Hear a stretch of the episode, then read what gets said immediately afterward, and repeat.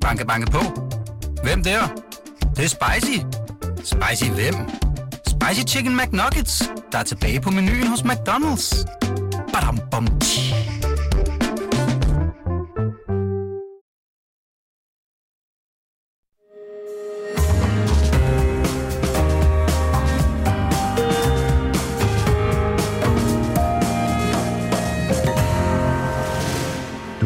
Lytter Korto og Steno, en podcast fra Berlingske. De seneste meningsmålinger, det er sød musik både for Lars Lykke og også sådan lidt for de røde, mens nedturen for Søren Pape, den er til synlandene ustoppelig. Øh, det taler vi mere om til sidst i den her udgave, eller dagens, i dagens program, hvor vi også kommenterer på en række store og små sager fra det seneste døgns valgkamp. Og øh, det kan I lytter som altid øh, også blande jer i, og det er vi glade for, og det gør I altså ved at skrive til os på vores Facebook-side Cordua Steno. Velkommen, jeg hedder Torben Steno. Og mit navn er Jarl Cordova, og om godt 20 minutter tid, ja, så byder vi på en de- debat. Og den står imellem Socialdemokraten Lars Aslan Rasmussen, der mener, at der skal indføres forbud mod tørklæder i folkeskolen. Og den konservative Nikolaj Bø, der ja. øh, mener det modsatte. Ja, tænk engang. Et spørgsmål, øh, der er øh, stor uenighed om i, i, i flere øh, partier, og aktualiseret af, at der jo øh, kom en... Øh, en, øh, en kommission, tror jeg det var. Ja, det var sådan en... Øh, Det var en, en bestillings, et bestillingsarbejde, som Holbæks socialdemokratiske borgmester stod i spidsen for, som konkluderede meget overraskende, at øh, det er en rigtig god idé med Men, at tage de der og, så, og så begyndte de der medlemmer så jo at løbe fra, ja. Fra det, der de havde anbefalet. Nå, men så, det er noget helt andet snak, for ja. Nu skal vi sige velkommen til vores første gæst, Torben. Det skal vi, og øh, det er øh, ingen ringer, en tidligere miljøminister for SF, og øh, kvinden, som ved sidste valg fik ikke mindre end 21.723 personlige stemmer. Dengang var du radikal. Velkommen, Ida Augen. Øh, nu er du socialdemokrat, ikke? Og så er det jo, hvis man nu øh, sådan er lidt, måske ikke sådan helt øh, kerne socialdemokrater, så alligevel sim- skal man så bare stemme på Ida Augen, og så, i stedet for at stemme på Socialdemokraterne. Fordi du, du har jo repræsenteret forskellige partier. Og hvad er det så, man får, hvis man stemmer på dig den her gang? Man får jo det samme, som man har fået igennem, altså jeg tror det er mit femte eller sjette valg, hvor jeg har haft altså en hovedmærkesag, som er klimaet. Og, øh, og jeg synes, at, øh, at Socialdemokratiet, det er det sted, hvor at vi kan tage de næste skridt. Fordi at jeg tror ikke på, at det her lykkes, hvis ikke vi får den brede befolkning med. Og jeg har ikke set, at vi har lavet rigtig store samfundsforandringer, der er blevet veje i Danmark, uden at Socialdemokratiet har været en del af det. I mine ører, det lyder det som om, at øh, hvis man skal flytte noget i, i det danske parlamentariske system, så bliver man nødt til at melde sig ind under, på, under fanerne i magtens parti, Socialdemokratiet. For det er der, beslutningerne træffes, så man kan lige så godt tage skridtet fuldt ud. Så det, og det har været en læreproces for dig, Ida Augen, at, øh, fordi du starter som SF'er, og så, og så har du fundet ud af, at man skal altså ind og sidde i ministerkontoret, og der har du jo også prøvet at gøre før.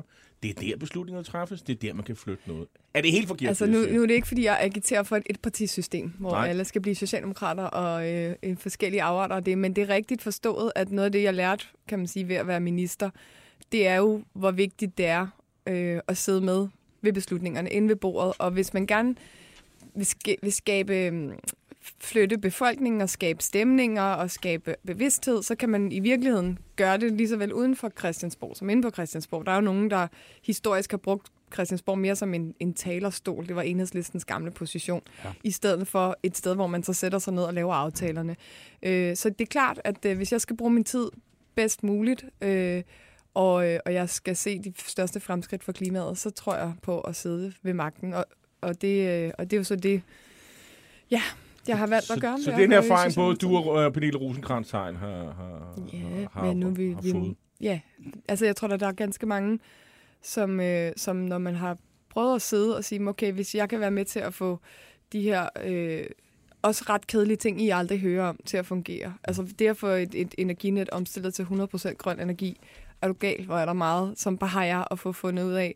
De rigtige tariffer, få givet tilladelserne i tide, få reguleret elnettet ordentligt, få, altså rigtig mange af de der sådan lidt nørdekedelige ting, dem elsker jeg at sidde og fikse. Jeg elsker at grave mig ned i det, og jeg kan godt lide at, at være med til at ordne Men, de problemer, og det, det kræver nogle gange, at man sidder.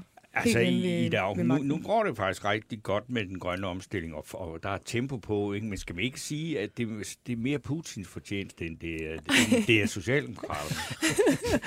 Øhm, nej, det er det jo ikke helt, fordi... At Ikke det, helt, Ej, nej, m- fordi, men fordi meget, en af grundene til, at, at, øh, at det går godt, det er jo fordi vind er den billigste energikilde i verden nu. Og det må man jo trods alt give Socialdemokratiet en rimelig stor del af æren for, eftersom at det var os, der gennem 90'erne og 0'erne, og også i de der meget døde år under Anders Fogh, igen og igen må tage kampen for, at vi i Danmark støttede vindmøllerne. Ikke? Og nu er det altså billigere end kul og olie og gas. Så det, at vi overhovedet kan lave det her skifte væk fra gas over til vind, og at folk kan se, okay, det var dem, der kom væk fra gasfyrene, væk fra oliefyrene, og over på, på varmepumper og vedvarende energi, der vandt, det er jo ikke noget, der er kommet af sig selv.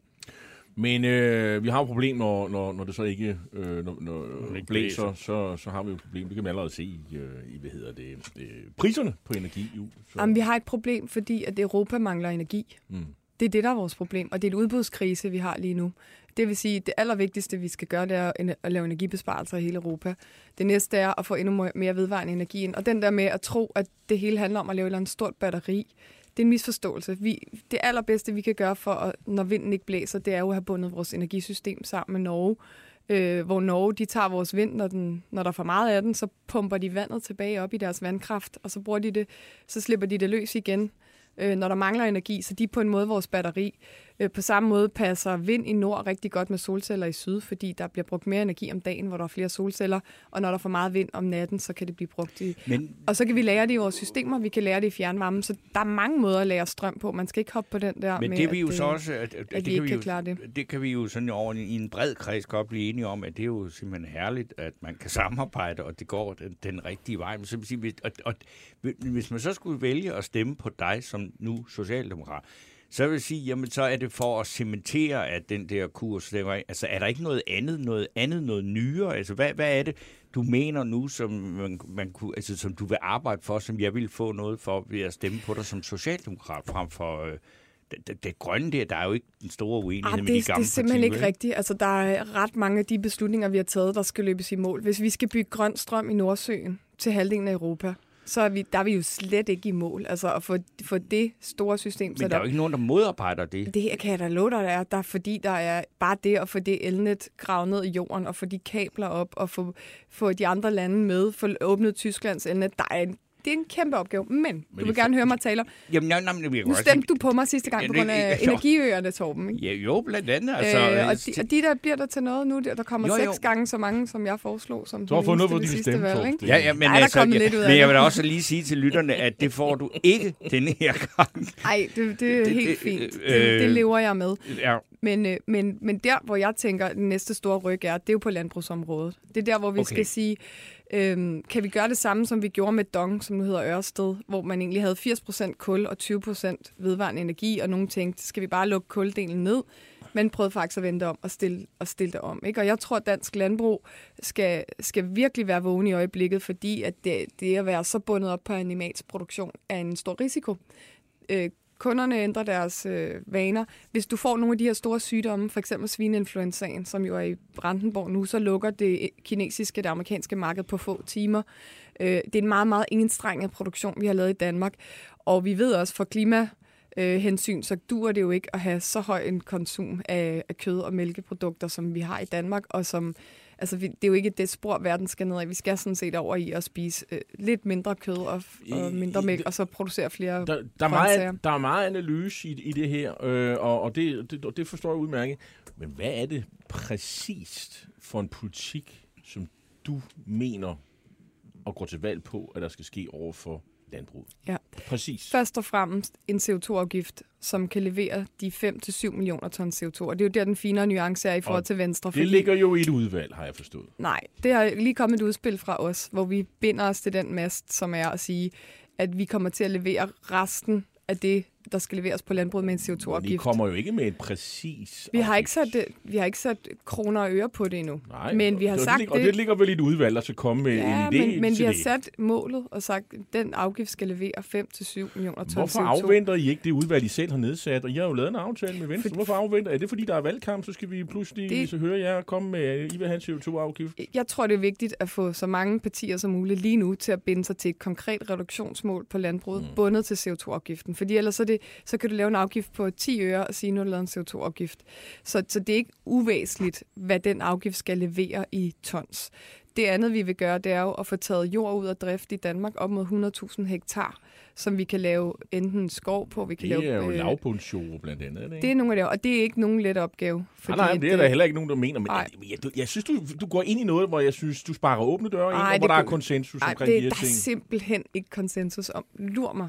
Når Inger, selv Inger Støjberg går ind, ind for at udtale la- hun, lavbundsjord. hun går ikke ind for en... Ja, det er, fordi staten betaler hele baduljen, ikke? Altså, Hvem det er jo skulle også, ellers skulle, skulle Ja, den enkelte landmand gøre nej, det? Ellers vil jeg gerne høre om det. Hvis Ja. det er la- landmanden selv, der skal betale for det, så vil jeg gerne for høre om det. eksempel er vores... Øh, når vi giver over 8 milliarder kroner i landbrugsstøtte til landbruget, så er det jo meget fair. Nogle landmænd synes, det er deres penge. Det synes jeg ikke. Jeg synes, det er samfundets penge, at vi kan bruge dem på at udtage flere jorder, øh, måske til at belønne for at lave natur. Det lyder lave ikke som skov. gode nyheder til landbrugs, øh, landbruget for dig nu. Nej, altså det, man får sine penge for noget andet, i stedet for at bruge det til at pløje nogle, øh, nogle øh, lavbundsjorder, som ikke giver nogen, noget stort udbytte. Men, Så men får er, man dem til måske at lave natur, men er, eller du, til er at, du ikke at ude ved tinglyst. at, at, at, sige og udstede regninger til, til, til landbruget nu?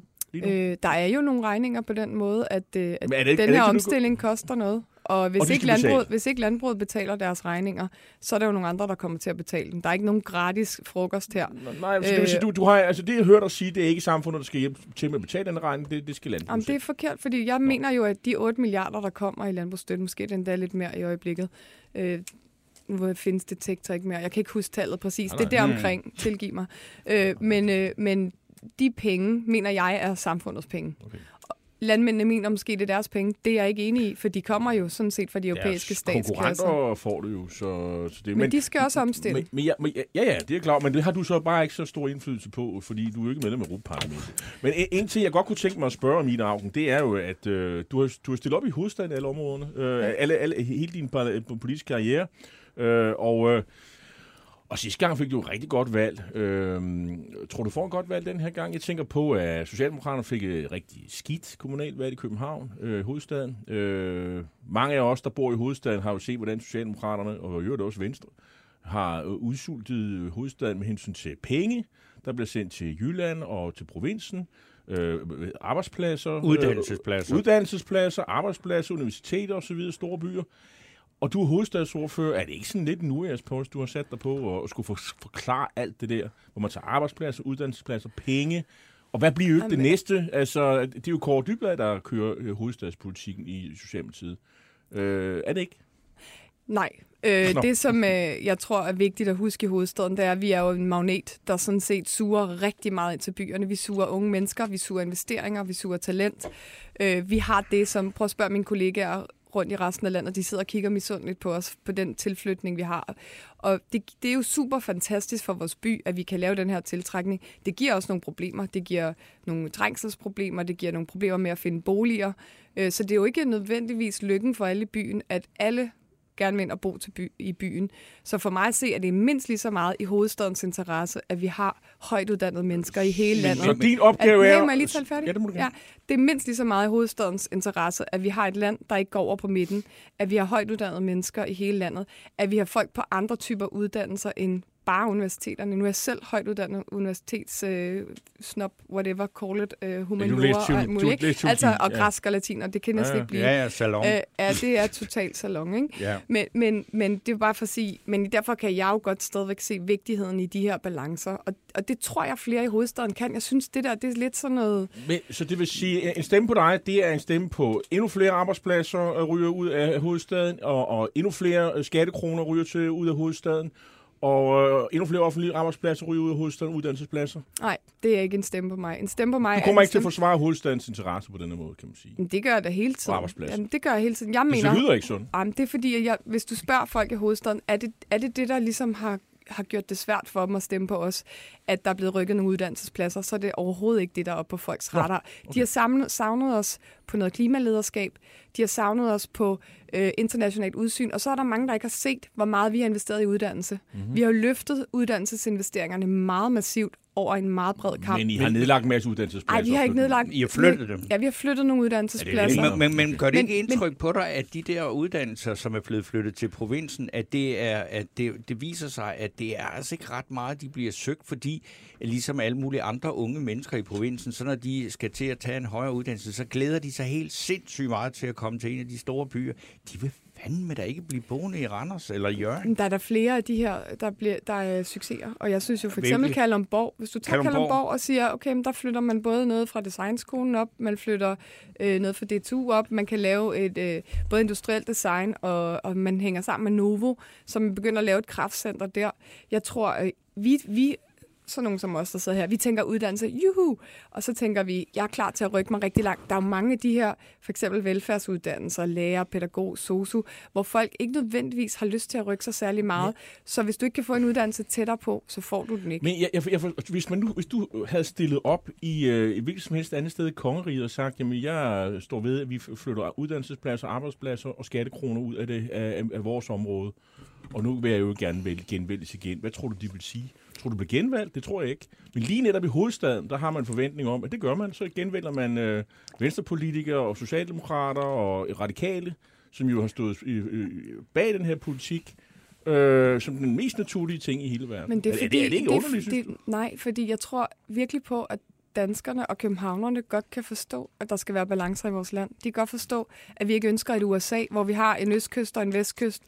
Det har de i USA, som der er liv i, og så har du ellers flyover country, hvor alt falder fra hinanden, så du kan få helt grobund for kæmpe populisme og for gigantisk splittelse. For mig at se er en af opgaverne jo både at holde hovedstaden højt på dagsordenen. Vi har sådan set kommet både med penge til idrætsanlæg, til grønne områder. Vi har lavet noget på luftforurening, som er vigtigt for københavnerne.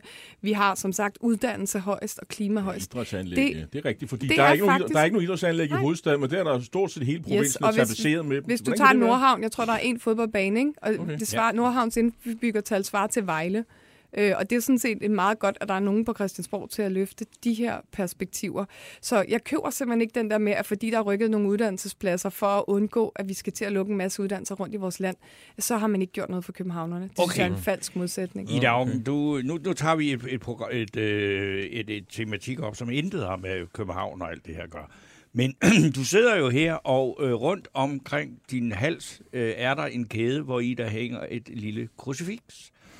Og øh, jeg tænker bare på, det, det, er jo et, det er jo et religiøst symbol. Og om øh, fem minutter eller sådan noget, der skal vi diskutere med din partifælle, Lars Aslan Rasmussen. Han går ind for, at øh, der skal være forbud mod tørklæder i... Og der er i, faktisk i partierne ret Ja, stor forbud i uenighed. øh, folkeskolen. Ja, i folkeskolen, at man ikke må have tørklæder på, og det er jo fordi, at man ikke vil have de muslimske piger. Det er jo ikke fordi, at nogen fra en eller anden fjerde religion med en mærkelig kalot ikke må have den på. Øh, det, har, det går han ind for, og vi har så en konservativ kandidat, Nikolaj Bø, han er øh, imod det derfor.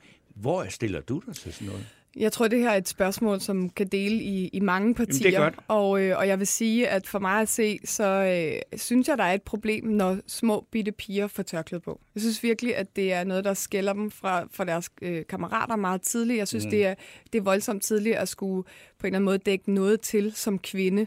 Så jeg kan sagtens se problemerne. Der er mange kvinder, der vælger det frivilligt. Der er desværre også rigtig mange kvinder, der lever under social kontrol.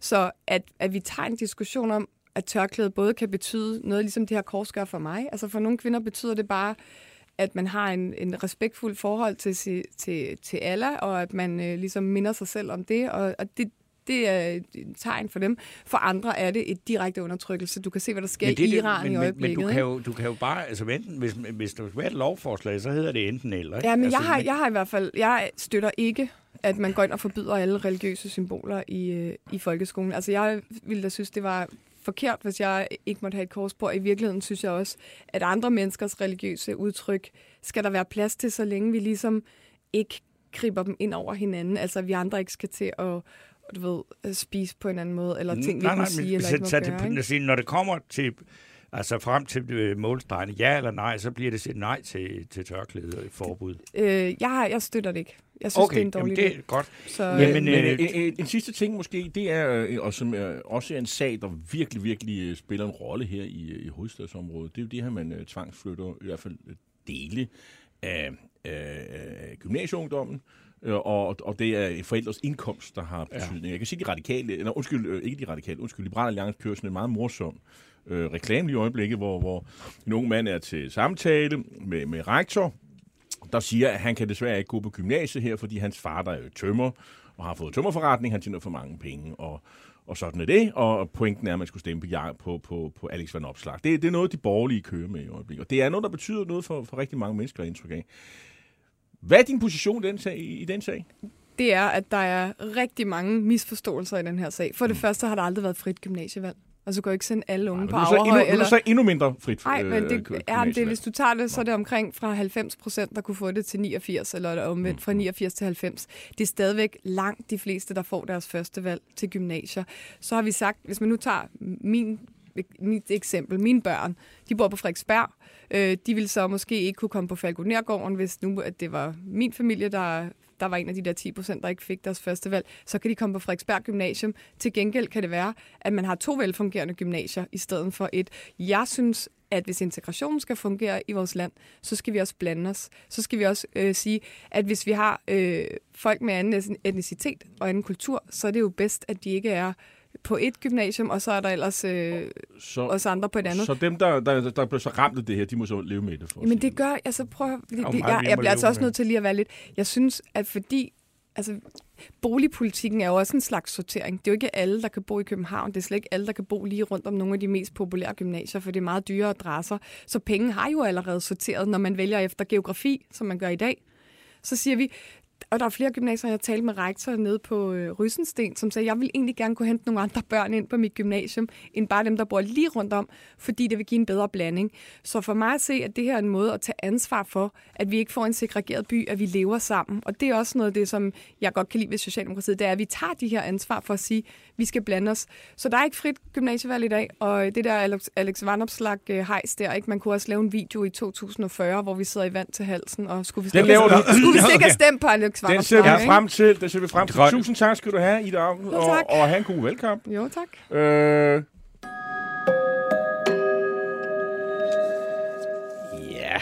Og øh, ja, den socialdemokratiske regering er lun på tanken om at indføre et øh, forbud mod religiøs hovedbeklædning i folkeskolen. Øh, det, det er i hvert fald noget, der skal ligesom... Øh, Det er jo noget, der deler vandene i, hvor- i, Hvordan i var det, han formulerede det, Kåre Dybvad, den socialdemokratiske regeringens øh, uofficielle hofideolog? Det er, det, det, det er en spændende tanke, der skal arbejdes lidt videre med, tror jeg. Sådan, det, nogenlunde det. Men det er jo altså et spørgsmål, der deler vandene i Socialdemokratiet, og det kan vi jo, altså det Ja. får vi et bevis på nu, for nu kommer der nemlig en tørklæde forbuds tilhænger ind og sætter sig der, hvor der sad en tørklæde forbuds og- modstander og- fra dit parti lige Og det før. er en herre, der ifører kasket. Og, så, Ja. og når jeg siger en politiker, der ifører en kasket, Ja, så hvad siger du så? så siger jeg det, altså, hvordan, altså hvis man nu tog den der kasket af dig, Lars Aslan Rasmussen, ville vi slet ikke kunne kende dig. Nej, jeg er heller ikke blevet valgt, sikkert. Ja. Jeg har ikke kendt fra Rasmus Paludan eller Det, det er jo, Nej. altså, og det er jo ikke et religiøst symbol. Øh, nej, det er, ikke- nej, det er det ikke. Nej, nej, nej. Ikke men, det er vigtigt i valgkampen. Ja, Ja. okay. Men øh, velkommen til dig, Lars Aslan Rasmussen, folketingsmedlem for Socialdemokraterne, og i øvrigt også øh, opstillet herinde i, i hovedstaden. Og øh, velkommen til dig, Nikolaj Bøhl, øh, kære gæst i programmet, øh, konservativ folketingskandidat og også øh, rådmand på Frederiksberg i øvrigt. Øh, Øhm, og vi skal selvfølgelig diskutere det her øh, øh, forbud mod religiøs hovedbeklædning. Og jeg kan forstå, Lars Aslan, øh, øh, Øh, der er ikke nogen øh, endnu klar holdning. Øh, der er ikke udgået hvid røg fra hovedkontoret øh, om, øh, hvad I mener om det her. Så der er lidt frit slag, kan man sige. Jo. Men hvor står du i den debat? Ja, men det er vigtigt at sige, det, det er jo min egen holdning. Jeg svarede mm. også på en kandidattest. Jeg tror, politikken havde en historie om det, hvor Socialdemokrater svarer alt muligt forskelligt. uh, men, men, uh, men, men personligt synes jeg, at det er forkert, at børn har tørklæde på i folkeskolen. Altså, jeg synes, det er en seksualisering af, af små børn. Uh, og jeg synes også, det er et, uh, et problem grundlæggende, at, uh, at man skal forholde sig til det her, altså religion i, uh, i, uh, i skolen. Og jeg tror, det sætter ret mange muslimske piger under et, uh, et pres. Altså, at man kan føle, at så er jeg også nødt til at gå med tørklæde, når nu alle de andre Ja. ja. også gør det. Okay, så der er så et øh, social, pres på nogle af de her piger. Altså, som jeg har forstået det, så er det i de mindre klasser, der skal være et forbud. Er det korrekt? Eller er det alle øh, i hele folkeskolen? Nej, altså, hvis, hvis jeg skulle bestemme selv, øh, ja. ja. Så, så, så ville jeg synes, det var, øh, var en god idé, at, at, øh, at folkeskolen var, var fri for, for, for, for, for tørklæder. Hvad så med gymnasiet? Jamen, så er man jo, altså, så er man jo som regel ældre. Øh, jamen, altså, ja, men, men selvfølgelig, man kan, man kan, ja, men jeg synes, at Hvad, sagtens, man, nu spørger jeg, hvad du synes. Nå, men jamen, jeg, det synes jeg sagtens, man kan diskutere på kommunale institutioner, øh, eller offentlige institutioner. Øh, det er min egen holdning. Men jeg synes, der er forskel på børn, som er 6 år, går i 0. klasse, og en, der måske er, er, er Ja. 17 år. Fordi jeg er helt sikker på, at selvfølgelig er der piger, som er teenager, der selv har valgt det. Det tvivler jeg på, at små børn har. Hvad med socialassistenter? Skal de have lov til at gå med, med, med, med tørklæder? Ja, det er jo, det er jo voksne, okay. det er jo voksne mennesker. Okay, så er det klart. Nikolaj Bø, du er konservativ, og du øh, er skeptisk over for det her, mildt sagt, ikke? Jo, det er jeg meget skeptisk overfor. Altså Hvorfor? Det, jamen, der er jo der er mange grunde. Altså for det første, altså hvad er det for et, øh, et problem, man gerne vil, vil løse her? Altså det handler jo om, om social kontrol og undertrykkelse af, af piger. Og det kan tørklæde måske i nogle tilfælde være udtryk for, men, øh, men det kan også være så meget andet. Og, og sagen er jo den, at øh, tørklædet i, i, i, i yderste konsekvens er det jo et, øh, et symbol, et symbol- symbol for nogle underliggende problemer, som man jo er nødt til at tage, tage fat i. Altså jeg tror, at det der med, at man fjerner øh, symbolet, det løser jo ikke problemet. Altså hvis der Hvad er, er problemet? kontrol, Det er, at vi endnu ikke har Jamen- fået bugt med islam i Danmark. Nej, eller? altså problemet er jo, at der er, at der er piger, der bliver undertrykt i, Mm. øh, i deres familier og ikke kan, kan træffe øh, beslutninger om deres eget liv. Altså det, hvis, det, hvis det er tilfældet, så er det selvfølgelig et problem, man er nødt til at forholde sig til. Og det kan tørklædet måske være et øh, symbol på. Der er, jo, der er jo mange, der har sagt, at, øh, at det behøver det ikke nødvendigvis at være. Det kan også bare være en, en form for sådan identitet, som pigerne egentlig selv øh, tager på sig. Jeg ved det ikke. Men, øh, men jeg tror, at, øh, at de problemer, der er med integration og social kontrol, de skal løses langt mere grundlæggende, end, øh, end bare ved at, at tage tørklædet af pigerne. Og kan du løfte lidt for på låget for, øh, på de øh, tiltag, som du mener, der skal tages i for at løse de der Først grundlæggende fremmest, ting? altså først og fremmest handler det jo om at sikre, Okay. at, øh, at, at de etniske minoriteter de er i uddannelse, og de er aktive på, på arbejdsmarkedet, Mm. og at de ligesom altså køber ind på, på grundlæggende danske værdier. Det er klart, at hvis der er tale om, om vold i familien Mm. osv., så, så er det jo noget, som der skal skrides ind over for, og det, Men det er uanset, det sker, hvilken religion man det har. er uanset hvilken religion ja. man har. Øh, så jeg tror, at, at der, der, er nogle, der er nogle ting på spil her, som tørklædet ikke øh, løser alene. Og så er der jo de, de rent praktiske problemer, de som handler om, hvad, hvordan vil man, man håndhæve det her? Altså er det meningen, at, at skolelærerne skal Gå aktivt det af, øh, tage det af, eller skal de sende børnene hjem? Eller Det hvad må de du skal? svare på, Lars Skal vi have et Aslan. tørklædepoliti ligesom Iran, bare med modsat foretegn? Øh, Lars Aslan? Nej, nej, men man kan jo sagtens, altså det har jo, nej, nej, men det har jo været, altså nu er det Tyrkiet, jeg kender bedst, fordi der kommer min far fra. Der har det jo indtil Erdogan kom også været øh, noget, man ikke øh, måtte i folkeskolen i Tunesien, øh, Algeriet. Hvordan, hvordan blev det håndhævet? Jamen, det var, det var, man måtte jo bare ikke have det på. Altså, der var også nogle, der var også nogle steder, hvor man, øh, at der er nogle altså, regler, man- man, ikke har jagt på indenfor. Blev, eller, eller blev man sendt hjem så, eller hvad, hvis man mødte op med det? Eller hvad? Jamen, jeg tror, altså, jeg tror faktisk, det galt, at, øh, at, øh, at ja, at det, det skulle man. Øh, og, det gjorde man og, og det er også det, jeg synes, der er lidt af problemet, det er, at man ser jo, altså, da jeg var barn, jeg, Øh, jeg, jeg har aldrig set nogen øh, børn med tørklæde i Danmark, så der er jo sket et eller andet. Øh, og, øh, og jeg synes det der med, at små børn lærer, fordi det er jo en seksualisering af børn, altså børn får at vide, at alle mænd kigger på dig og sådan noget. Og det synes jeg, der er et eller andet grundlæggende forkert i. Øh, og derfor så synes jeg bare selv, det kunne være et frirum. Og, og det, jeg tror, mange glemmer i debatten, det er, at, at der er nogle af de der rigtig tunge, jeg er selv uddannet lærer, nogle af de der øh, skoler i, i ghettoområder, der er et massivt øh, pres, øh, altså religiøst pres på, på, på mindretallet. Men, men når, når, når øh, børn, altså øh, muslimske piger i Danmark, kommer med tørklæde i skole i, i en meget ung alder, altså er det så et ud, det er simpelthen et udtryk for, at, at man netop fordi man har, er, føler sig så øh, forfulgt, at så tager man tørklæde på, og hvis de var, fordi ellers så vil man jo, når det ikke er, det gør man jo ikke på samme måde i Tyrkiet, og hvad var det, du nu nævnte, Marokko, Tunesien, eller ikke? Jo, jo, men jeg, jeg tror nogle gange, så, så glemmer man, man kan godt, hvis man sådan sidder som etnisk dansker, så tror jeg, man tænker nogle gange, at Nå, men det, det er også mangfoldighed og sådan noget, men man skal huske, for rigtig mange lande i Mellemøsten er der også folk, der er flygtet for, for nogle af de her ting. Altså øh, øh, konservativ islamisme, og de bliver jo stillet, synes jeg, et dilemma, hvis der er øh, 10 børn med tørklæde, og der er to etniske piger, der ikke gør det. Altså, så, så, så skal jeg love for, at der bliver et pres på dem. Og der tænker jeg, hvor kunne det egentlig være dejligt, hvis, hvis skolen var, var et frirum for sådan noget. Nikolaj Bø? Ja, altså, jeg synes, at det, det som i virkeligheden er, altså, der er nogle, nogle lidt grundlæggende ting på, på spil her i forhold til den måde, vi normalt ser på, på religion og også på friheden til at klæde, som man, som man selv vil i Danmark.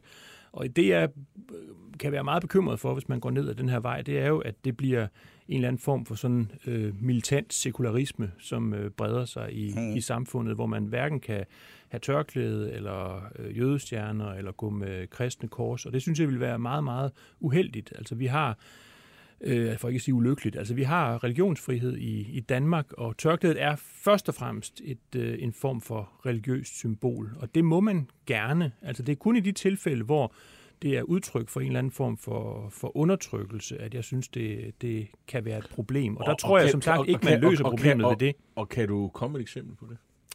På hvad? Med undertrykkelse. Hvor det er det, hvornår, hvor det, hvornår det undertrykkelse? Jamen, det, det kan jo være, hvis man er underlagt nogle meget sådan øh, strenge øh, sociale normer, som gør, at man er isoleret fra det danske samfund, jo, men, ikke kan leve et normalt børne- eller ungdomsliv. Det, det synes jeg naturligvis er et problem.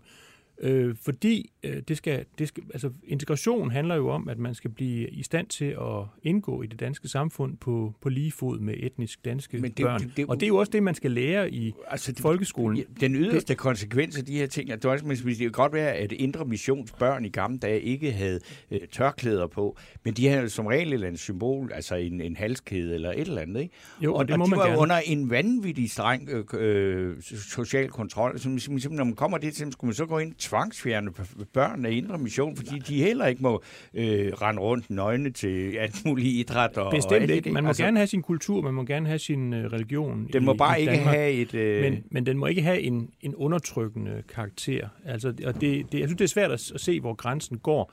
Og jeg tror i hvert fald ikke, man kan sige sådan en til en, en, en pige, en skolepige med tørklæde på, hun er automatisk undertrykt eller underlagt en form for social kontrol, som vi ikke vil have. Det tror jeg ikke, man kan sige. Så derfor synes jeg også, at Jamen det, det jeg mener med, et, et, et, et intervisionsbarn kan da sagtens være udsat for en social kontrol, vi ikke bryder os om. Vi kan bare ikke se det, fordi Men det er, ikke noget noget med, med, det er ikke noget med, at hvad vi ikke bryder os om. Det er noget med, hvis man ligesom altså bliver undertrykt i en grad, som er, ikke er i overensstemmelse med normerne i det danske samfund.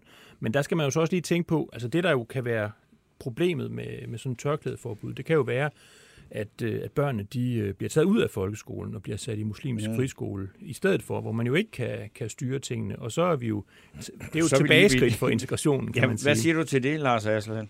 Jamen, jeg, jeg synes, det er vigtigt at holde fast i, altså det, det er jo små børn, vi taler om. Altså, jeg tror Mhm. simpelthen ikke på, at der er nogen i 0. klasse, som, øh, som vælger det frivilligt. Øh, og jeg synes, der er et eller andet altså, helt forkert i, i det der menneskesyn, med at man siger, jamen, du skal beskytte dig mod mænd, altså alle mænd kigger på dig og sådan noget, for det er det, det handler om, og derfor synes jeg, at sammenligningen med korset er, er forkert. Altså, det er noget, man tit får i dåbsgave. Det er jo ikke noget, det er jo også noget, drenge får. Det er jo ikke noget, som, øh, altså, hvor man er imod nogen, og jeg synes, man, man lærer børn rigtig tidligt det der med, jamen der, altså alle mænd er sådan lidt uh, tænder på dig og sådan noget. Og der, der tænker jeg, der, der er der bare et eller andet grundlæggende galt, fordi det er jo derfor, man har tørklæde på. Altså fordi man ikke må vise sit hår og sådan noget.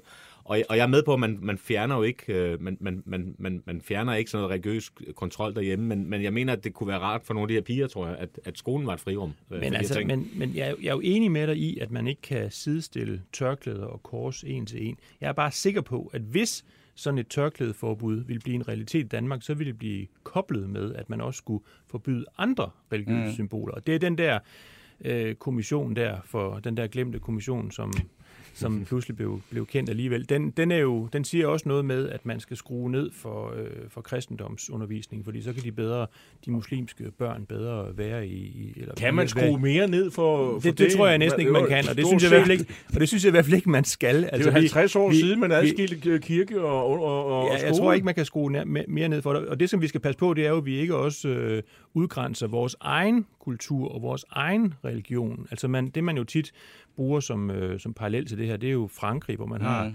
en voldsom tradition for sekulari- sekularisme, lidt til tilbage til re- revolutionen, hvor man har hugget hovedet af, af præsterne osv.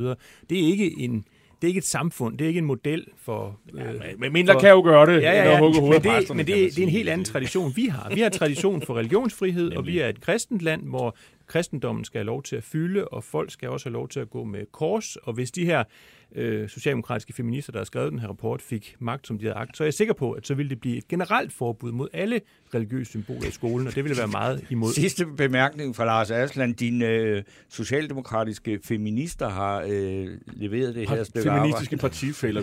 Sidst jeg tjekkede, så var du ikke feminist. Øh. det ved jeg ikke. Nå, det, nej, det vidste jeg eller, ikke. eller, eller hvad? Men, Eller? nej, jo jo, det, det, det, det er jeg da også i forhold til, til kvinderettigheder. Det er faktisk derfor, jeg har et problem med, med det her tørklæde. Okay. Okay. Der, der sad jo også andre end socialdemokrater i, i den her øh, kommission. Ja, der men, taget en SF'er. Ja, præcis. Uh, jeg, tror, jeg, ja, ja, nej, jeg, altså, men det var mere, mere min, jeg tror også, at taget en iraner faktisk for de konservative. Men, Okay. men, men, men, min pointe er mere det der, jeg synes det der med, altså jeg synes, man skal bare hele tiden holde sig fast i det små børn, øh, vi også øh, snakker om, og der, der synes jeg, der er et eller andet øh, problem øh, øh, i det her. Tusind tak skal I have, fordi I kom og havde tid til det midt i, i, i valgkamp. Der, er jo, øh, ja, der er, I skal jo kæmpe for hus til hus om, om stemmerne. Men tak Ja. fordi I tog tid til at komme her. Uh, tak til dig, uh, Nikolaj Bø, uh, konservativ folketingskandidat her i København. Og til dig, Lars Aslan Rasmussen, Ja. også kandidat og nuværende folketingsmedlem. for Nikolaj Socialdemokratiet. du skal skynde dig op på Nørre Port Station Ja, og dele bolcher ud, de står og venter på Der er, der, er, der er nogen, der har taget din plads. Vi må afsted. Banke, banke på. Hvem der? Det, er spicy. Spicy hvem?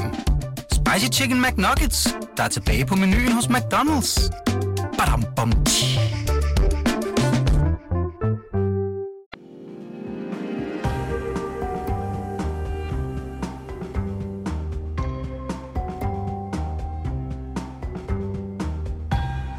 Ja, og mens vi har siddet og talt her, så har øh, de seks, øh, indtil videre seks blå partier, øh, haft et øh, Pressemøde. pressemøde i gang øh, ude på Holmen, øh, og det er så for en led af den her FI-bog, der kom her i fredags, tror jeg det var, torsdag fredag. Øh, og så har de holdt sådan en improviseret pressemøde derude. Og så har øh, de her partier, øh, det er Søren Pape, der, der siger øh, på vegne af dem, at øh, regeringen, der er sådan et par punkter, hvor regeringen skylder svar. Vil regeringen bede eller afkræfte, at Trine Bramsen har sagt, øh, at... Øh, at øh, Finsen skulle hjemsendes, øh, da regeringen skulle kunne tælle til 90, vil regeringen bede eller afkræfte, at Bremsen har sagt, det der stod på side 116 af Finsens bog, om at svinge med den lille hammer. Er det virkelig korrekt, at ministerne skal lægge afstand til embedsværk i problematiske sager mod regeringen, og hvordan var Mette Frederiksen medvirkende i beslutningen om hjemsendelsen? Øh, det er nogle af de spørgsmål, der, øh, der de gerne vil have undersøgt i en, øh, øh, den her undersøgelse, som de har bebudet. Og der er tre forhold, øh, der skal undersøges øh, nu. Hele, forløbet om hjemse- og hele forløbet om hjemsendelsen, om en række ledende medarbejdere skal undersøges, og hvem var involveret i det. Omstændigheder om pressemeddelelsen, der startede hele sagen, skal undersøges, og hvordan har sagen påvirket Danmarks vigtige relationer til andres landes tjenester. Det sidste kan jeg godt svare på. Det har været rigtig, rigtig skidt. Det er klart, det her er jo et, et forsøg, Torben, på at øh, holde gryden i kog øh, i den her sag. Det der er spørgsmålet, det er, er det noget, folk gider høre om? Er det noget, de, der ændrer deres stemme? Hvad tror du? Altså, jeg tror ikke, at den FE-sag overhovedet kommer til at påvirke øh, valgretsresultatet. Og jeg, ligesom, jeg tror heller ikke, at Mink-sagen, øh, altså, det er, øh, hvad skal vi sige, Blå Bloks desperate håb, at øh, ved at blive hele tiden at nævne de her ting, og, og, og bruge det i den her melodi og magtfuldkommenhed og sådan noget. Ja, men altså, jeg tror bare, at dem, der er øh, til det røde og til Mette Frederiksen, de er da flindrende ligeglade med det der. Det kommer ikke til at flytte stemmer hen over midten, og det, som jo er interessant i dag, og nu kan man sige, at vi prøver faktisk i det her program øh, til jer, kære lyttere, der er her, at øh, prøve at, at sige noget om valgkampen, som ikke alle de andre øh, taler om uafbrudt. Men lige i dag, der bliver vi jo nødt til at sige, at hele valgkampen, det er det hele, den helt store historie, det er de seneste meningsmålinger. Og den her, vi sidder med nu fra Voxmeter, det er godt nok øh, vild læsning. Fordi Moderaterne, øh, Lars Lykkes parti, hvorfra altså næppe ret mange øh, mennesker ville være i stand til at nævne nogen som helst andre navne på øh, eller af kandidater for det parti, udover Lars Lykke, de stormer frem i meningsmålinger. Og det betyder, at, øh, at man skal sige, også både fra de borgerlige, eller fra, fra de røde, men selvfølgelig nu også mest fra blå blå, nu begynder man at, at rette skytse mod Lars Lykke, fordi han er virkelig en trussel. Og øh, Moderaterne står altså her i sidste måling til 9,2 procent af stemmerne. vanvittigt. Det er altså, og, Og- og, og- og, og- hvem havde troet, at han skulle blive større end, øh, og det som de kan, æseldemokraterne Inger Støjberg er nede på 7,4. Æseldemokraterne. Det er det, du kalder for Danmarksdemokraterne, Ja. fordi deres øh, forbogstav er Det kalder de det ude i Valby. Men øh, det, det, der måske falder lidt i øjnene, det er, at, øh, at Moderaterne er gået fra 6,1 til 9,2 procent i en måling. Det, det synes jeg lyder meget voldsomt, at øh, øh, det vi taler om her, det er sådan 60.000 stemmer på, øh, på sådan tre dage, Ja. har rykket sig øh, et eller andet andet sted fra til Moderaterne. Øh, man, man- skal måske... Det, det, det er nok lige her omkring, at vi skal passe på med at ikke overfortolke. Øhm, Om tendensen er klar. der er klar tendens, og, og, og, og modsat kan man jo sige, det konservative ned på 7,7, det, det er stadig over valgresultatet, øh, men det er ikke ret meget, altså for sidst, med 1,1, de har sat så meget over styr. Det er, øh, ligner, at det er jo en total nedsmeltning. Og spørgsmålet er, altså det er den dårligste måling, de har haft i år, og, og sidste år og forrige år, tror jeg. Mm. Øh, det, det er jo helt vanvittigt. Øhm, og kan de ikke løfte sig fra det her? Det tror jeg. Øh, det tror jeg bliver svært. Men så lad os bare sige, at det her det måske er det, man kalder for en outlier. Og, og, og, det, det, det kunne det godt være. Altså, at, øh, at øh, det her er en måling, hvor, hvor K er usandsynligt øh, dårligt målt, og Moderaterne er sådan lige, lige til, den, til den flinke side. Det er, øh, der, vi skal i hvert fald se nogle flere målinger, der kan bekræfte det her billede. Det, der også er interessant ved den der voksmetermåling, det er, at der lige akkurat er et rødt flertal med tre nordatlantiske mandater. Det er også interessant at, at sige om den her måling, at det er stolpe ud for Dansk Folkeparti, som jo ellers i rigtig mange målinger efterhånden har ligget, øh, ligget over valgresultatet. Det gør de ikke i den her måling. Og det vil så sige, og der er usikkerheden er det, man kalder, er, den er sådan temmelig stor, nu kan jeg faktisk ikke se lige på den her, øh, men den, den er pænt nok. Så det vil sige, det, det er højst sandsynligt sådan, at Dansk Folkeparti alligevel er inde. Fordi mange andre målinger har vist det. Altså, man kan jo Ja, ikke ja, udelukke nej, nej, nej. Og, og hvis de er inde, så er vi altså tilbage i det scenarie, hvor at der er øh, et blot flertal med Lars Løkke. Det hører også med i den her måling, at øh, der har været flere målinger, hvor Alternativet, og det har faktisk øh, været Voxmeter, der har vist dem, Jamen, nu er de ude i øh, at, at de skulle have en chance. Men nu er det altså på, nede på 1,6, så det er altså stolpe ud. Det er faktisk den dårligste måling for Alternativet, som Voxmeter har lavet i noget tid. Øh, I mandags, altså for tre dage siden, der var de på 1,9. Og igen, vi skal have det her med usikkerhed ind i spillet. De ligger og balancerer på, på spærregrænsen. Øh, selvfølgelig har Alternativet en chance for at komme ind. Kommer de ind, så kan billedet ændre sig igen i øh, Rød Bloks favør. Så det her er så spændende, som det overhovedet kan være. Der er så også en, en anden øh, ting, som jeg synes er lidt interessant, og det er den nyeste måling mm. her. Der, siger, øh, der står Liberal Alliance til en lille tilbagegang i forhold til forrige måling. Og det tror jeg faktisk øh, måske godt kan tilskrive her, at TikTok-kongen øh, er kommet i fedtefadet med sine øh, underlige øh, boligfuskesager øh, der. Og øh, altså først så var der den her sag med, at han øh, jo altså boede i, ikke i Struer og i en, altså, en lortelejlighed, som han selv kaldte, eller i hvert fald ikke særlig attraktivt sted, som ikke var i overensstemmelse med de regler, der er, øh, når man er øh, folkevalgt og øh, øh, i i virkeligheden opholder sig i København hele tiden. Øh, og nu er det, så viser det sig så også, og det er måske det, der er det alvorlige ved det, og det er en jurist, der hedder Bente Hagelund, som siger til Information, øh, omkring, hvad han nu har foretaget sig, simpelthen, at, øh, at det, det, det nye i sagen her, det er, at han ikke, altså Alex Van Opsla, han ikke bare brudt reglerne, efter han fik den gratis folketingslejlighed. Det ser ud til, at han har givet forkerte oplysninger for at få den. Og det vil sige, det er jo intentionen, der er ikke er god her, og det er faktisk ret alvorligt, at man øh, simpelthen, fordi man kan få et eller andet gratis. Og jeg troede egentlig, at den unge Alex Van Opslag var bedre hvad skal man sige, end så mange andre øh, politikere. Men det er åbenbart, det ligger til politikere næsten uanset, øh, jeg vil sige, enhedslisten er vist den eneste, der ikke har nogen sager om folk, der har fusket sig til et eller andet øh, privilegium. Øh, men, men, men det Når er man- jo enormt, man er- øh, jeg synes, det er enormt trist. Når man stiller op for et parti, som mener, at der sagtens skal spares i det offentlige, og at øh, alle skal kunne klare sig selv øh, mest muligt og, og, og tro på sig selv, så øh, er det øh, en, øh, ret hyggelig at øh, er svær for offentligheden skal, fremste, skal, skal have, øh, præsenteres for en historie, hvor det sandsynliggøres, at han har snydt Ja.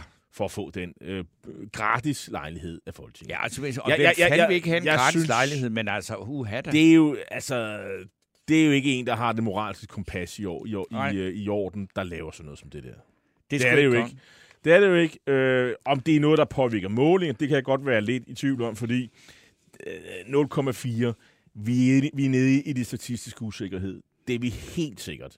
Øh, altså 0, kom, Ja, jamen, jo, jamen, jo, jo. Det, det er vi. Altså, der er ikke nogen diskussion. Det er for lidt til, at vi kan sige noget fornuftigt. Lad os se, hvad der næste Men- måling kommer. ikke? Men, men, øh, men vi kan jo måske kigge på, nu modser jeg mig selv en lille smule. Øh, Nye Borgerlige, det er den dårligste måling, jeg har set for dem længe. Mm. Og det, den, de er nede på 3,9 i den her voksmetermåling. Øh, de har ligget op omkring 4,5, 4,8. I nogle målinger har det ligget på 5 procent. Øh, jeg synes, man kan se tendensen, og, det, man skal, og igen, jeg er tilhænger af, at man læser mange målinger, og man lægger dem sammen, og så, kan man, så får man et, et mere sikkert billede, men aldrig et helt sikkert billede, og vi skal altid være øh, til det der statistiske usikkerhed med ind i øh, billedet her. Men der er i hvert fald en sivende tendens. De ligger ikke på de der 6, 7, 8 procent, som vi, vi så tidligere. Nu begynder der at komme målinger, hvor de ligger under 4 procent. Øh, der er noget, der, øh, der... Gassen er gået af ballonen for Pernille Vermund, øh, og det har jeg også skrevet om tidligere.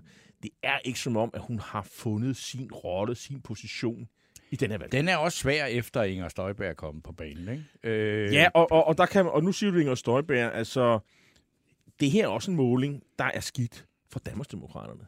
Det er faktisk den dårligste måling, voksmetermåling, som de har fået. Mm. 7,4. Altså, vi startede med at 11-12 procent. Nu ser vi målinger, der hedder 8, øh, øh, 8, noget eller 7, noget. Altså under 8 procent. Øh, det kan være statistisk usikkerhed bevares. Det kan godt være, at hun har Mm. 9, 9,5 procent. Øh, øh, men i modsat fald kan hun jo sådan set også have øh, 6 procent, øh, hvis man indregner med statistisk usikkerhed. Øh, men der er i hvert fald en sivende tendens, både for hende øh, og for Pernille Vermund. Men jeg kan så sige, at det, jeg synes, altså det, og det er alle jo enige om, at det er Lars Lykke, han løber med al opmærksomheden. Han løber med de gode målinger nu. Og øh, det, jeg synes er interessant ved det, udover at jeg jo, altså for dem, der lytter med til det her program, har svært, altså der er jo ikke nogen af dem, øh, der har hørt det før, som ved, at, eller som er i tvivl om, at jeg har et blødt punkt for det projekt. Også fordi, at det, det, det viser sig jo, at det, at det faktisk er interessant, at han øh, igen og igen og igen siger, han vil ikke sige noget om, hvem han peger på, han vil tale politik. Og det er der jo så åbenbart rigtig mange af vælgerne, som synes er en rigtig god idé. Og det er en befrielse faktisk, at der bliver talt politik, når Lars Lykke er det, og ikke taktik og Ah, det er så bogstavkombinationer. ikke helt rigtigt, for han får mange spørgsmål om det. Ja, der, og han det får mange sp- ja, og han det svarer undvigende og der på det hver gang. Ja, og der har han jo så mulighed for, fordi han, der er noget Og det er jo det, og det synes Og- og, og jeg, der er er- vidunderligt, at der Men- er en, men- en men- men stor han- politiker, som bare siger, den der dagsorden, jeg gider slet ikke gå ind på det. Og det, og, og det er der helt sikkert et publikum for, men han, sli, han slipper jo ikke, og man kan sige, i dag, der har de jo sendt øh, Søren Gade øh, på forsiden Ekstrabladet. ja, Øh, det tror jeg han- faktisk kommer til kun at gavne Lars Lykke. Det kan godt være, at du får ret i det. Øh, I hvert fald så, øh, Gade, det var jo ham, der, der jo skulle være modkandidaten potentielt i forhold til Christian Jensen, øh, dengang de Ja. forsøgte at, at tage livet af ham første gang politisk øh, i, som formand for Venstre tilbage i 2014. Øh, Søren Gade fik jo ikke sådan nogen lykkelig tid som gruppeformand i Venstre under Lykke. Øh, han havde vist nok sat næsen op efter en anden ministerposten, den Lykke kunne tilbyde ham. Øh, jeg vide hvorfor. Øh, Jeg har nok mine idéer, men dem vil jeg øh, holde for mig selv. Øhm, det blev i hvert fald ikke nogen lykkelig tid, og han endte med at tage til Europaparlamentet. Nu er han så tilbage igen og skal redde øh, stumperne øh, i, mm. i Vestjylland, og jeg vil nok sige, det der sådan store rumble in the jungle mellem øh, Søren Pape og Søren Gade, har du et bud på, hvem der kommer til at vinde det? Ja, det, er jo- jeg, jeg sige, det gør, øh, hvad hedder det, Søren Gade selvfølgelig. Ja, det, det, der- det, der er den er der- afgjort. ja, det er det er slet ikke afgjort, slet, ikke? altså, vi tror, vi skal godt aflyse. Øh, der, der, Det bliver ikke så spændende, som det har været. Men jeg Nej, kunne godt nej. tænke mig at høre om, som tror du, fordi du er jo meget, øh, hvad skal vi sige, sådan professionel indsigt i valgkampe, tror du sådan, at, at sende sådan en øh, Søren Gade i, på, på, i manege nu, med sådan en, en gang klassisk beskidt, personfixeret nedgørelse. Han kalder ham for fedtspiller. Ja, men Ej, altså, jeg- er, Lars Lykke, er det, noget, der, er det noget, der giver på det? Eller kan det ikke mindst gange- lige så godt være med til at stemple, at sige, okay, Venstre, det er, øh, det, jeg- det er, hvad de har at byde på? Nu, nu afslører du jo forleden, hvad du vil stemme på. Jamen, så, jeg men har så, jo gjort, Så jeg, jeg, det kommer i hvert fald ikke til at flytte din stemme. Men, jeg, Nej, det, men, det det kan, det men det kan jo måske godt ryste nogen og sige, hov, hov, hov, er I nu helt sikre på, at han er borgerlig? Altså, har I, stem, har I tænkt jer at stemme på ham, fordi I tror, at han vil pege borgerligt? Fordi det er vi nemlig ikke. hvis I vil have den rene blå vare, så er det altså øh, Venstre eller Konservativ eller nogle andre. Det er i hvert fald ikke ham. Han er en fedt spiller. Det er det, der var budskabet. Det er det der med, at han ikke vil, øh, vil, vil stikke og bekende. Jeg så jo sådan en som Karen Ries Jørgensen, som jo ikke er, er politiker. hun er tidligere Øh, politiker, Jo, jo, ikke? men Hun er hun, er, hun, er jo ikke, hun er ikke jo ligesom gade i valgkamp. Vel? Nej, nej. Men hun, øh, og, og, og det, det er vist fair at sige, at Karen Ries Jørgensen tilhører en anden del af, af Venstres øh, fløj, øh, en mere pragmatisk fløj, men hun er også ude efter Lykke og, og, og give ham med krabasken og sige, at han har han, er det forræderi. Det er jo ikke kun mm. øh, ham, hun er ude efter, det er også Inger Støjberg og sådan noget. De, man har båret ham frem på skjolde, og nu render han rundt og, og, og, og, og og betaler tilbage på den her måde, og så videre, så videre. Det kan han ikke. Det, det, hvad bilder han sig egentlig ind, og sådan nogle ting. Øhm, så det er også et angreb. Vi så også i går, nogle socialdemokrater, jeg tror Søren Morten Bødskov var ude og, og, og gå til lykke. Så, de, så socialdemokraterne er jo også ude og sige, at han løber med vores stemmer. Vi bliver nødt til at mm. øh, få nogle af dem hjem, og det kan vi kun ved at angribe ham og, få ham, og tvinge ham til at, øh, at ryste træet, kan man sige. Det jeg bare tror, det er, at Lykke han er alt, alt for dreven til at lade sig ryste ud af det der, fordi øh, han har været ude i noget, der er meget, meget, meget, meget hårdere end at... Han er simpelthen dygtig. og, og, og så udnytter han jo den opmærksomhed, der er ved det, når, fordi så kommer de jo øh, og løbende over til Lykke. Altså, han gad ikke svare på Søren Gades øh, øh, Nej. øh, kritik. Han, der sendte han øh, Anders Schirmer, der er deres partisekretær, ud og sagde, ja, vi fører bare øh, positiv valgkamp, og vi har ikke noget at sige til det, og det bla, bla, bla. Så det, det får lov sådan at hænge og blaffe. Men øh, jeg, jeg tror, at, at øh, vi kommer nok til at se mere af det her, fordi hvem er det, der løber med alle stemmerne nu? Det gør han. Hvis vi skal have nogle flere stemmer, hvem, hvor skal vi så have dem fra? Vi skal have dem fra Lars Løkke. Det tænker man i Venstre, det tænker man i Socialdemokratiet. Ja, og- og, og og, og det tænker man men- måske også hos Inger Støjberg, og, Ja. og, og måske de radikale på et tidspunkt. Men måske de radikale, fordi det, altså, det øh, ved jeg ikke, om der er helt øh, statistisk øh, belæg for at sige, men det kan, får vi Hvis, nok at vide. hvis deres valgkamp Øh, nogensinde men, kommer men, i gang, men, Torben, men, at det de radikale er nogle af dem, der leverer til Lars Lykkes projekt. Men, det tror, er ja, men, men, men, men, men, tror, du det, tror du deres valgkamp og, nogensinde kommer op, og, kommer op og køre? Jeg Altså, har... De, de det er lidt valgkampen, der altså, bliver væk, jeg, jeg, jo, jeg er næsten nødt til at ringe til nogle af dem, for at høre, om de stadigvæk er med. Ikke? Altså, fordi de, de, de, altså, de har også, altså, vi sige, Sofie Carsten Nielsens taktiske oplæg, og det er hende, der har udløst det her valg. Hun har jo simpelthen bare, hvad skal man sige, altså på den måde, øh, altså virkelig lagt vejen frem til hendes egen afgang som formand for det parti. Det- for ja, de har kommer til at gå det har du bebudet volds- nogle gange, Jamen, det, ja. jamen, hvordan skal hun kunne rejse sig for den totale fejldisposition, som det her er? Og, men, men hvis vi lige godt vender tilbage til det der med, kan man sige, de konservatives øh, politiske ordfører, Mette Abelgaard, ja. er jo også røget ud i total ja. desperation nu, og det tror der på. Det må jo være sindssygt ærgerligt for alle de konservative, som havde håbet på, at de skulle være en kæmpe stor gruppe, måske endda have statsminister på. Det bliver de ikke. Øh, men hun siger nu, at Lars Lykke, han skylder danskerne et svar inden en valgdag. Jeg ved ja, ja. godt, at Lykke siger, at det handler om noget og ikke om nogen, men for mange danskere handler det altså i høj grad også om nogen, siger hun. Og det kan jeg da godt se, det gør det for hende og for de konservative, fordi det, altså, at, at de har et, et, et kuldsejlet projekt, de går til valg på nu. Men jeg tror netop, Mette Appelgaard, at det som, som du siger her, at- altså dem, der er i forvejen, i, ligger trygt over i den blå afdeling, de øh, synes, at det er vigtigt, hvad Lykke mener om det. Men de kunne jo heller ikke drømme om det. Men der er, dem, der er på, på vej over til Lykke, de er ligeglade med det der. Jeg vil lige, øh, jeg synes, vi skylder at, at læse lidt øh, lydreaktioner op her. Øh, Rasmus Kaiser Ø. Nielsen skriver, det er Mette Frederiksen, som har startet diskussionen om regeringen på midten. Nu høster Lars Løkke frugterne. Det er min ringe analyse. Ja, det er ikke helt øh, løgn. Nej.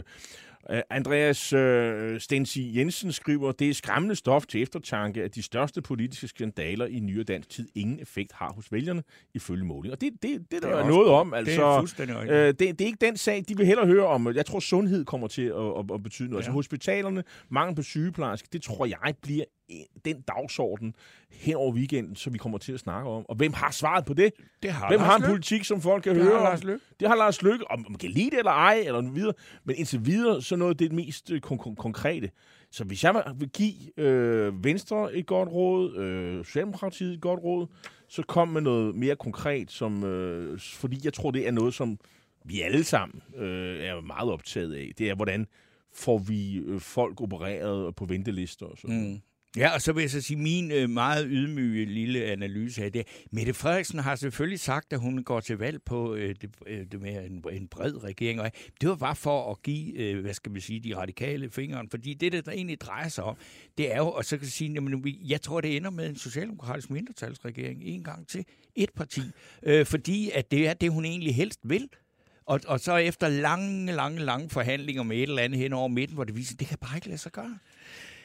Ja, så ender det med at blive sådan, som Mette mor Vi får se. fra starten gerne ville have det. Morgen skal vi snakke mini- meningsmålinger med øh, Martin Vines, som er ekspert på det område. Og så skal Ja. vi snakke... Øh, hvad skal vi så? Vi skal have en, øh, hvem, hvem kommer gæst Så skal vi, vi skal snakke om, øh, hvad skal vi sige, øh, socialisme. Ja. Fordi det er jo også, man kan sige, det er, jo- det er interessant, det er jo, at enhedslisten hører vi egentlig meget, men det, det går dem faktisk lidt, de er ikke så gode til at føre valgkamp. Nej, nej, Øh, og de går, de, de går tilbage.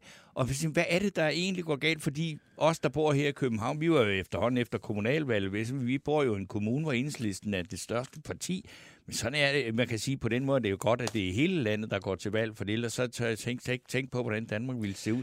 Men hvad er det, der gør, at de øh, går tilbage? Det vil jeg egentlig gerne høre. Det får vi Øh, Det er jo chefideologen. Pelle Dragsted, Pelle vi har øh, i morgen. glæde jer til i morgen, eller frygt, eller hvad man skal sige. Tak fordi I hørte med i dag. Øhm, I bag knapperne sad øh, Louis Feigenberg, Ja. og i redaktionen sad, Øh, Mads Bjergård.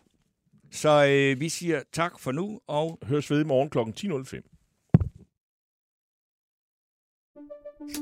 Banke, banke på. Hvem der? Det, det er spicy. Spicy hvem? Spicy Chicken McNuggets, der er tilbage på menuen hos McDonald's. Badum, bom, tji.